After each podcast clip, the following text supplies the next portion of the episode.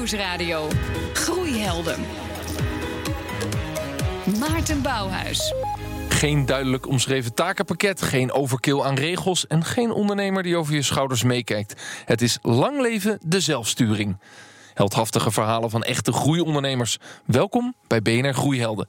Met deze week dus alles over groeien zonder sturing, groeien misschien wel zonder managers, hoe je de groei van je bedrijf versnelt door afscheid te nemen van regeltjes, controle en strakke takenpakketten.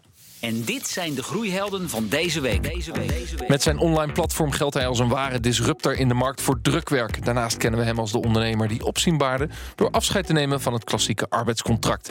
Hans Scheffer van HelloPrint. En met hoeveel procent groeien jullie dit jaar? Uh, 45 ongeveer. Kijk, een echt groeibedrijf. En aan de andere kant van de tafel de oprichter van het succesvolle communicatiebureau uit Rotterdam. Zijn bedrijf maakte onlangs de overstap naar een zelfsturend bedrijfsmodel. Jos Schovaert van Cooper. Hoeveel procent groei verwachten we dit jaar? 25% met uh, hetzelfde percentage minder mensen. Oh, dat is ook altijd lekker. Welkom, heren. Dankjewel. Dank je. Ja, Jos, jullie werken onder andere voor Netflix, Ahold, Coca-Cola, Shell, Siemens. Ja, dan doe je toch iets goed. Welke diensten uh, levert het communicatiebureau vooral? Nou, wij vertellen verha verhalen namens onze klanten. Er voorheen deden PR-bureaus dat heel veel via persberichten en dat soort dingen. Daar houden wij niet zo van. Dus we zijn meer uh, contentmakers. Dus we ja, zitten ook in het domein waar uh, ook reclamebureaus en andere type bureaus zich uh, begeven. Dus dat is een spannend terrein. Verhalenvertellers, daar hebben wij wel wat mee bij de radio. Hans Scheffer, je beweegt je in de online printmarkt. de bedrijfspitch in 20 seconden. Ja, HelloPrint is een platform waar consumenten en bedrijven eigenlijk allerlei soorten geprinte producten kunnen bestellen. Dat doen we op een andere manier dan, dan traditionele drukkerijen of printbedrijven. We hebben geen eigen productie. het is een netwerk of platform waar zo'n ja, een aantal honderden Europese of wereldwijde producenten van print zijn aangesloten. En die hun producten aanbieden via ons platform.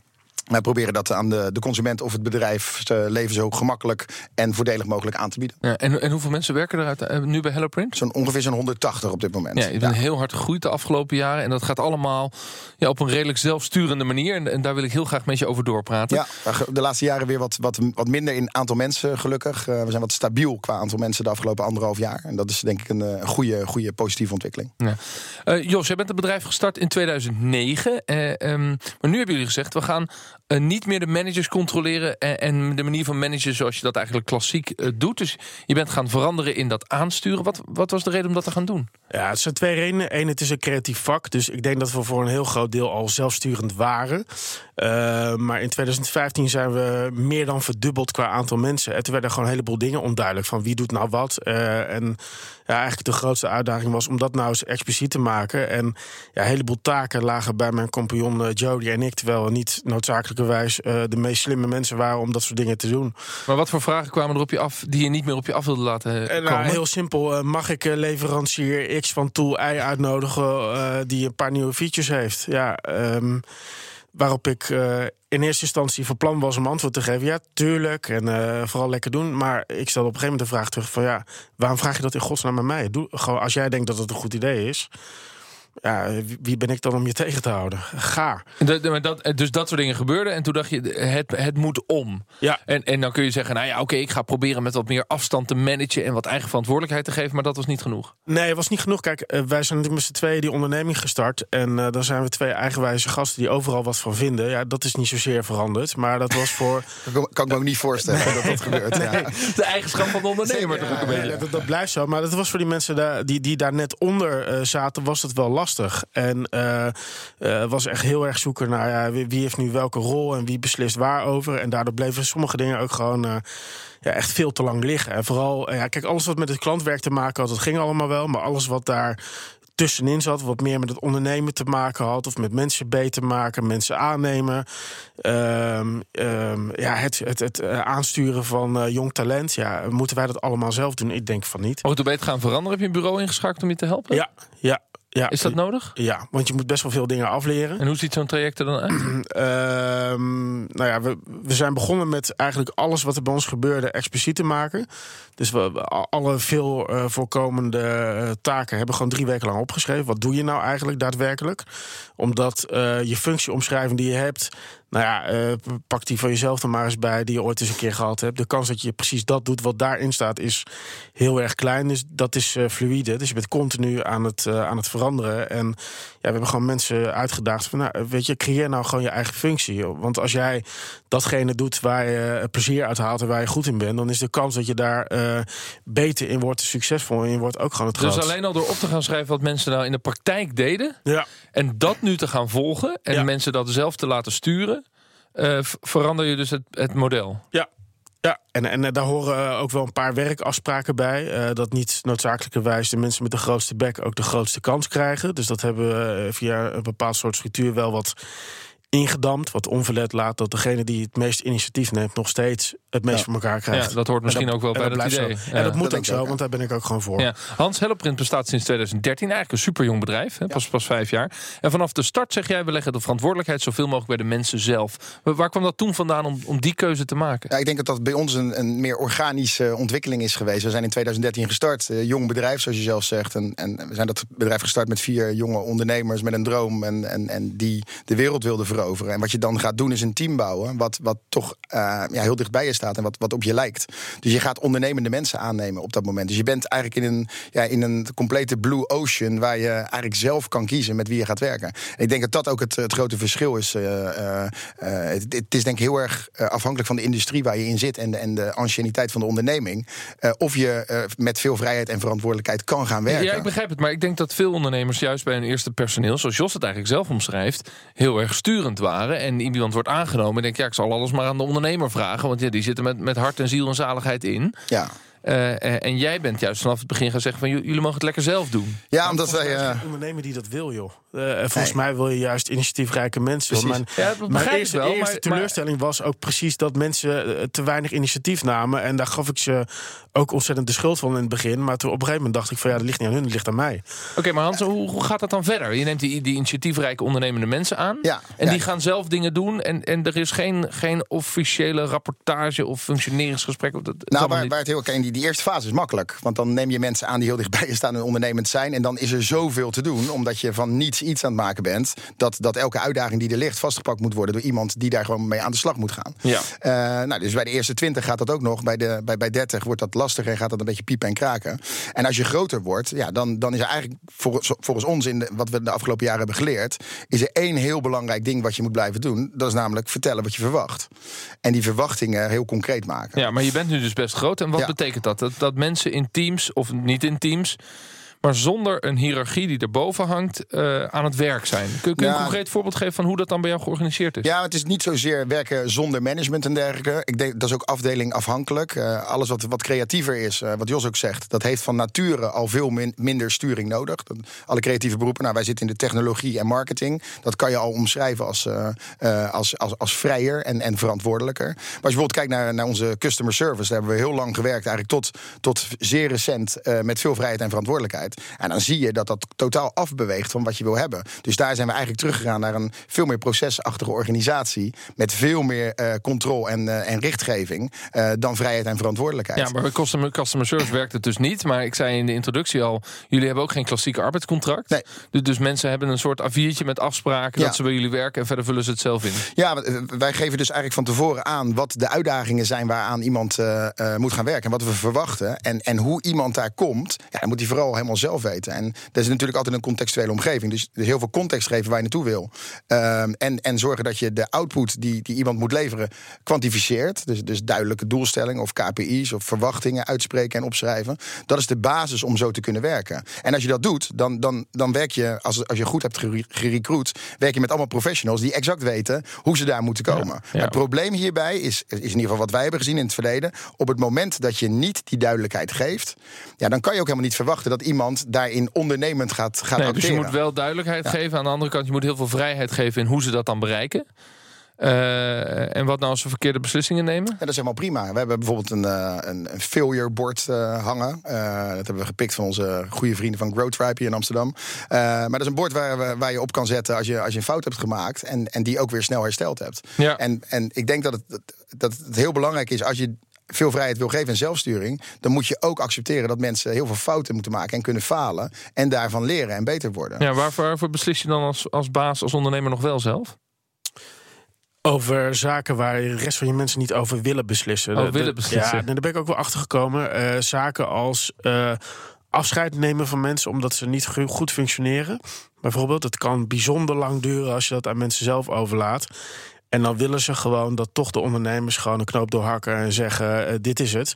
En het, eh, ik sluit ook wel aan op wat er net gezegd werd. Eh, wat heel erg belangrijk is, eh, in het begin toen we hiermee begonnen, zijn we een beetje overdreven op onze handen gaan zitten. En hebben we eh, expres wat dingen laten gebeuren. Ehm, daardoor merk je dat mensen toch wel sturing missen. In de zin van: waar gaan we nou heen? En ehm, nou, dat hebben we nu denk ik wat beter, beter aangepakt door dat gewoon heel duidelijk te maken.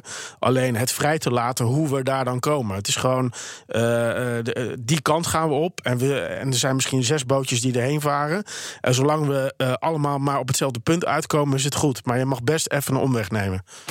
BNR Nieuwsradio. Groeihelden. Groeien zonder management, dus in ieder geval met veel minder regels. Daar gaat het vandaag over in de uitzending van BNR Groeihelden. Zometeen meer hierover. Maar eerst de groeiondernemer die meer nastreeft dan enkel keihard cashen. Ze vertellen ons elke week hun bijzondere verhaal. Mijn naam is eh, Monique Ansink. Eh, ik ben eigenaar van Excellent Products. In eh, 1999 nam ik het bedrijf over.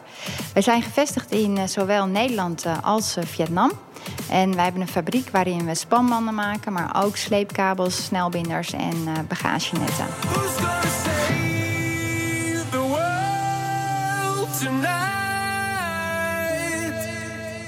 Natuurlijk moet ons bedrijf winst maken en dat doen we gelukkig ook. Maar er is veel meer dat wij met ons eh, bedrijf nastreven. En dat is met name begonnen toen we eh, onze productie verplaatst hebben naar Vietnam. En eh, ja, dat is een grote cultuurshock als je dat vergelijkt met hoe goed wij het in, eh, in Nederland hebben. Met name de arbeidsomstandigheden zijn daar natuurlijk nog helemaal niet op het niveau zoals dat bij ons eh, in Nederland het geval is. Wat mij opviel is dat, we heel, dat er heel veel vrouwen zijn in Vietnam die eh, nogal slechte banen hebben en daarmee ook slecht verdienen. Dus de ge- ongelijkheid is daar veel groter dan ook hier bijvoorbeeld in Nederland. Wij hebben daarom als missie bedacht om eh, die vrouwen een handje te helpen. En eh, wij, ons doel is om uiteindelijk 300 arbeidsplaatsen te voorzien, waarvan 70% vrouw. Belangrijk is dat vrouwen dus ook een goed inkomen verdienen, omdat zij dan daarmee ook het gezin kunnen ondersteunen en daarvan kunnen de kinderen dan weer naar school. En uiteindelijk zal dat dan ook goede gevolgen hebben voor Vietnam als land.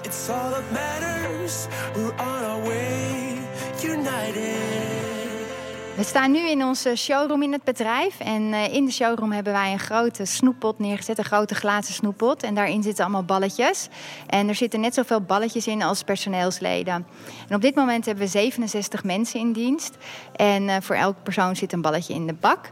En uiteindelijk is ons doel dus 300. Dus eh, we hebben nog een weg te gaan. En die bak komt vol. Wanneer dat is, dat weet ik nog niet. Maar we werken daar dus elke dag keihard voor. En daar staan we 's morgens met z'n allen hier voorop. Ja, Monique Ansink van Excellent Products. Een mooi groeibedrijf met, en dat hoorden we net, een mooie visie. We praten straks verder over zelfsturing. En dan wil ik vooral weten, wat betekent het eigenlijk voor de groei van je bedrijf? BNR Nieuwsradio. Groeihelden.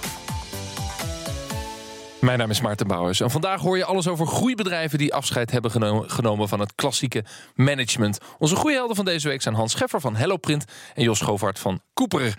Hans, eh, even naar de helden toe. Eh, jij hebt een oud-president als held, begrijp ik? Ja, dat, eh, dat vroeg je aan me.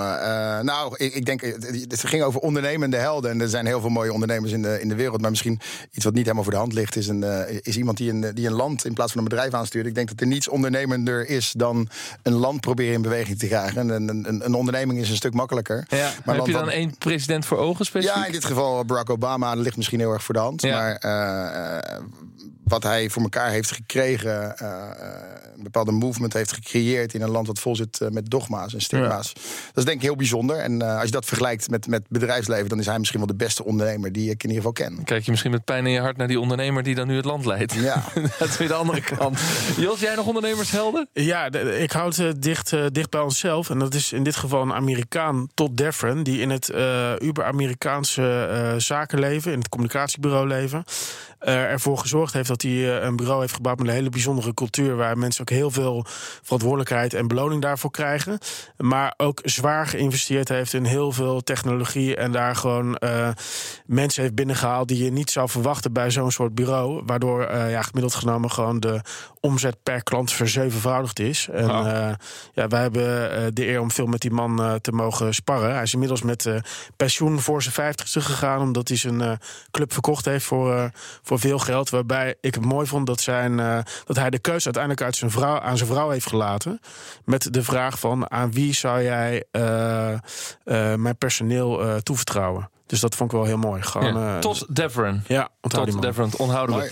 Eh, dan even naar eh, ja, het, de andere manier van werken, zonder managers. Eh, Hans, die, die vrije sturing die jullie hebben, die vrije werken, wat levert het concreet op? Wat het oplevert is dat als iemand in een vrije context kan werken aan de dingen waar hij heel goed in is. En daar het verschil kan maken. Dus grote uitdagingen om aan te werken. Zonder dat je daar continu wordt beperkt in hoe je dat moet doen. Dan haalt dat gewoon het beste in mensen naar boven. En als je dat doet dan, en je wil werken met hele slimme, hele capabele mensen. Dan is dat ook de enige manier om dat te doen. Want niemand die heel professioneel is en talentvol. die wil zich laten beperken in hoe hij of zij eh, zijn werk moet Ja, uitvoeren. maar jij bent heel hard gegroeid. Je zit nu in acht landen, eh, eh, miljoenen omzetten. Was dat mogelijk geweest zonder deze visie die je vanaf 2013 hebt ingezet? Ik ben ervan overtuigd dat dat nooit mogelijk had kunnen eh, zijn als we dat niet op deze manier gedaan hadden. Want je krijgt gewoon die, die hypergrowth, die kan je alleen maar unlocken. Wij, vragen van mensen, of, of die mensen die met ons dit doen, eh, die, die, ja, die leveren zulke exorbitante pres- prestaties. En dat doen we met z'n allen. Het kan alleen als iedereen voelt dat je het met elkaar doet en dat je, de, ja, dat je echt aan het werken bent aan, aan een gezamenlijke droom. Heel veel eigen verantwoordelijkheid, Ja. een soort van eigen ondernemerschap bij, de, bij het personeel ja, zelf. dat, dat is het. Maar wat merken jouw klanten ervan, Jos, dat je nu twee jaar geleden bent omgegaan? Nou, ik denk dat er veel meer innovatiekracht in ons zit. En ik denk in ons, eh, zeker in ons specifieke vakgebied, zijn, gaan ontwikkelingen zo snel. Dat je gewoon echt een mix van ervaren mensen eh, die de business snappen nodig hebt. Maar ook gewoon, ja, weet je, de opkomende generatie die gewoon dingen begrijpt die ik echt niet meer begrijp. Als ik naar een interface van Snapchat kijk, ja, ik. Ik, begrijp, snel zijn, ik, ik voel het en begrijp het gewoon niet meer. En, Hoeveel eh, seconden heb je daarvoor eigenlijk? Ja. ja, weet je, en, en, en, en dat verandert natuurlijk. Dus je moet daar continu met elkaar in, eh, in, in, eh, in samenwerken. Maar doordat je medewerkers hebt die wel veel met Snapchat hebben en de vrijheid voelden om daar mee aan de slag te gaan in het communicatiebureau, levert dat nieuw business op voor jou? Nou, ook dat. En eh, eh, ik, ik ben ook niet meer alleen het uithangbord. We hebben collega Judith bijvoorbeeld. eh, ja, die wordt ge- meer gevraagd voor de digitale zaken. Want die, ja, die zit daar middenin en die snapt die eh vermadelijde wereld van eh, influencers. Heeft ze helemaal uitgekampt. Waarbij ze zegt, nou ja, 80% Ja. is onzin. Maar ik heb een hele data-analyse gedaan. En eh, nou, ja, van, de, van deze eh, persoon zie ik dat 80% fake volgers zijn. En dat eh, dit niet uit Nederland komt. Dus je hebt er geen zak aan, je moet deze hebben. Weet je, en ja. En eh, zij weet eh, de technologie te vinden en eh, de boel te duiden. Ja, alleen al die vraag had jij mogelijk niet eens kunnen bedenken, want zij kwam daarop om die Nou ja, vloggers allemaal te gaan analyseren. bijvoorbeeld. Nieuwsradio. Groeihelden. Tijd voor onze wekelijkse rubriek. Het kantelpunt. Deze week reisde collega John van Schagen af naar de houthavens in Amsterdam. En ging op bezoek bij groeibedrijf Tim en Pim. Ja, nou dacht ik eigenlijk in eerste instantie dat ik een gesprek zou gaan voeren met of Tim of met Pim. Maar jij heet Alexander en jouw compagnon Martijn. Hoe zit dat? Ja, dat is de meest eh, gestelde vraag, denk ik. Zeker toen we altijd met z'n tweeën nog binnenkwamen bij bedrijven. Wie is Tim en wie is Pim? Dat zijn we geen van beiden inderdaad. Het is een eh, afkorting voor onze dienstverlening. Namelijk Tim staat voor Temporary Interactive Media Manager... en Pim voor Permanent Interactive Media Manager. En dat behelst eigenlijk eh, wat we doen. Namelijk de structurele dialoog voeren. Merkverhalen vertellen namens onze opdrachtgevers... om te zorgen dat, dat we ze te gelden maken. Ja.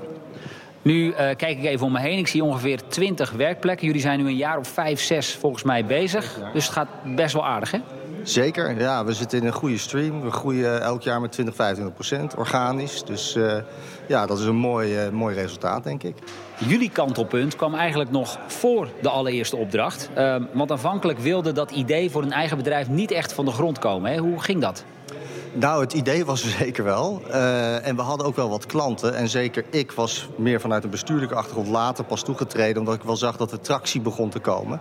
Maar die tractie was nog niet heel erg veel of heel erg groot. Dus we hadden wel grote opdrachtgevers nodig en geloof dat dat moest kunnen. Dus we hadden in het jaar dat ik toetrad, dat was na een half jaar dat het bestond... wel uh, heel veel leads en afspraken met bedrijven die uh, allemaal geïnteresseerd waren... maar vooral in het onbekende nog zaten van... oh, wat is dat nou, dat social marketing, kunnen we ermee? En dus nog niet echt heel erg zeiden van... oké, we gaan het ook doen, we gaan daar fors in investeren. Dus dat op een gegeven moment waren we met zoveel goede moed... maar die omzet bleef uit, de grote omzet. Dat dachten ja, gaat het wel? En dan, ja, zeker in een organisatie die een markt uh, bezig is in uren in een onbekende markt... Ja, dan heb je ook niet heel veel vreemd vermogen qua banken die je graag willen steunen. Was er toen een enig moment waarop je dacht... gaat dit ooit nog wel goed komen? Zeker, zeker. Ik heb thuis uh, bijvoorbeeld bij mijn vader gezet... Van, joh, die was ook ondernemer van ja, wat uh, fuck, excusez le mot. Maar ja, hoe lang kan je het nog uithouden? En er is geen weg terug. We moeten doorzetten, maar hoe kan dat nou? En, en toen kwam uiteindelijk toch die eerste grote klant. Wie was dat en hoe ging ja, dat? Ja, nou, die naam mag ik ook denk ik wel zeggen. Dat is uh, ANG, Electrolux uh, Benelux. Een groot bedrijf in de witgoed. En dat was een van die afspraken waarbij we meteen raakschoten met de marketingdirecteur. Die zei van dit is wat ik wil. Ik heb al een aantal mensen gesproken, maar jullie heb ik zo'n klik. We gaan die eerste campagne doen. En gelijk met een substantieel budget. En als dat aanslaat, dan heb je gelijk dat jaarcontract. Ja, dat zijn van die dingen die komen dan op je af. En dan wordt het wachten beloond. En vanuit daar kan je natuurlijk weer uh, cases opbouwen, laten zien. En ja, dan ging in één keer dat balletje rollen. En uh, ja, er kwamen er ook andere grote bedrijven op ons pad. Ja. ja, want hoe belangrijk is dat ene gesprek van destijds geweest voor jullie bedrijf? Ik denk mentaal voor ons als eigenaren dat we inderdaad de bevestiging hadden van het geloof wat we zagen dat we konden betekenen voor andere organisaties als het gebied om social media in te zetten. Dus uh, als die bevestiging eenmaal is, dan heb je ook weer de hernieuwde energie. Los van het geld wat dan ook, dat is waar het om draait. Dat je ook weer nou, die omzet is ook wel lekker natuurlijk. Die is noodzakelijk, maar uh, die komt dan wel. Weet je wel? Dat is dan aangetoond en dan, uh, dan ga je er weer voor. Het kantelpunt van Tim en Pim, die ene zo belangrijke klant die de aanzet betekende voor de snelle groei van het bedrijf. Bij mij in de studio nog altijd Hans Scheffer van HelloPrint en Jo Govaert van uh, Cooper. Um, ja, Hans, kan iedere ondernemer zijn bedrijf organiseren zoals jullie dat doen, met heel veel eigen verantwoordelijkheid voor de medewerkers? Of heb je daar bepaald DNA ook voor nodig als ondernemer? Ja, ik denk DNA en uh, het maakt heel erg uh, uit, denk ik, hoe lang je het al op een bepaalde manier doet. Ik denk dat het heel moeilijk is om een, om een bedrijfsstructuur en, en, en ja, de werkwijze van mensen te veranderen. Ik kan dat niet beoordelen, want ik heb nooit in zo'n bedrijf gewerkt. Maar ik denk dat dat spannend is. Um, als je het vanaf moment één doet.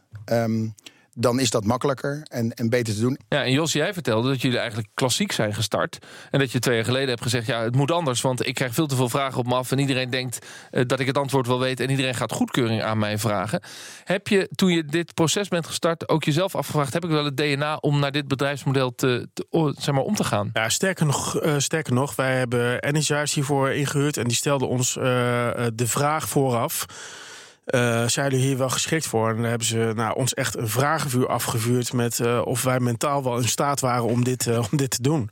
En, maar ik denk dat het uiteindelijk heel goed bij ons past. Maar wat Hans zegt, dat herken ik ook wel hoor. Kijk, als je gewoon ziet dat dingen sneller, beter, weet ik veel wat kunnen, ja, dan. dan ja, kruipt, kruipt het bloed toch ook waar het moet gaan, denk ik. En uh, dan is het, maar dan wel vanuit een rol. Dat je beseft ja. welke rol je hebt ja. en waarom je doet wat je doet. En, en, je gaf bij mij aan, aan het eerste jaar ging het eigenlijk best wel goed. En het tweede jaar kwam er een soort dip in, in de verandering. Ja, het was in, kijk, in het begin was iedereen enthousiast, want je krijgt de vrijheid en verantwoordelijkheid. Uh, maar op een gegeven moment krijgen mensen de verantwoordelijkheid. En in het ene geval gaat het heel erg goed. Uh, maar in, in sommige andere gevallen uh, ja, vonden mensen die verantwoordelijkheid lastig. Of gingen in sommige teams gingen iemand weg, waardoor je eigenlijk weer opnieuw moest beginnen. En er gebeurde gewoon best wel veel. En uh, daar werden sommige mensen best wel onzeker van. En ja, een paar daarvan zijn ook uh, vertrokken. En uh, dus dat heeft even tijd nodig. En wat wij te weinig hebben gedaan is, en dat zou mijn tip zijn voor iedereen die dit wil gaan doen, is dat je heel erg duidelijk voor ogen moet hebben waar je heen wil. En Ja. Dat is volgens mij het belangrijkste. Eh, heb jij nog een tip eh, aan, eh, aan Jos eigenlijk? Die dus en nog Aan wat Jos, korter in, dit, in, Ja. dit, ja, in deze andere manier van organiseren staat dan jij. Want jij bent er vanuit de basis mee gestart. Ja, wat wij in ieder geval gezien hebben is wanneer het echt spannend wordt, is als je te hard groeit. En dat, dat hebben wij in 2016 gehad. Eh, wij groeiden van, van, van 40 naar 140 man in zes maanden. En als je dan verwacht dat mensen die allemaal nieuw bij je zijn, ook die zelfstandigheid en die verantwoordelijkheid kunnen oppakken. Ja, dat is echt een utopie. En dan heb je echt vaandeldragers nodig in je bedrijf die de mensen vast kunnen pakken. Nou, die hadden wij op dat moment niet. Dus mijn tip zou zijn, als je dit wil doen, doe het heel geleidelijk en, en, en langzaam aan. En heb, heb niet de illusie dat je dit kan doen als je zo enorm exorbitant groeit. Zoals bijvoorbeeld vorige week eh, de hypergrowth bedrijven in jouw organisatie, eh, of in jouw uit- uitzending. Ja, precies. Dan zit je in de hypergrowth. Denk dan hier dan nog een keer over Nou, na. zullen we zeggen. ja, Eh, jongens, dankjewel dat jullie je verhaal wilden vertellen. Ik dank onze groeihelden van deze week. Hans Scheffer van Hello Print en Jos Govert van Cooper. Volgende week zijn we er uiteraard gewoon weer. Dan hoor je alles over het creëren van een ultieme bedrijfscultuur. En inderdaad, wil je meer leren over hypergrowth... moet je vorige week even terugluisteren in de podcast. Tot die tijd zou ik zeggen, blijf lekker doorgroeien.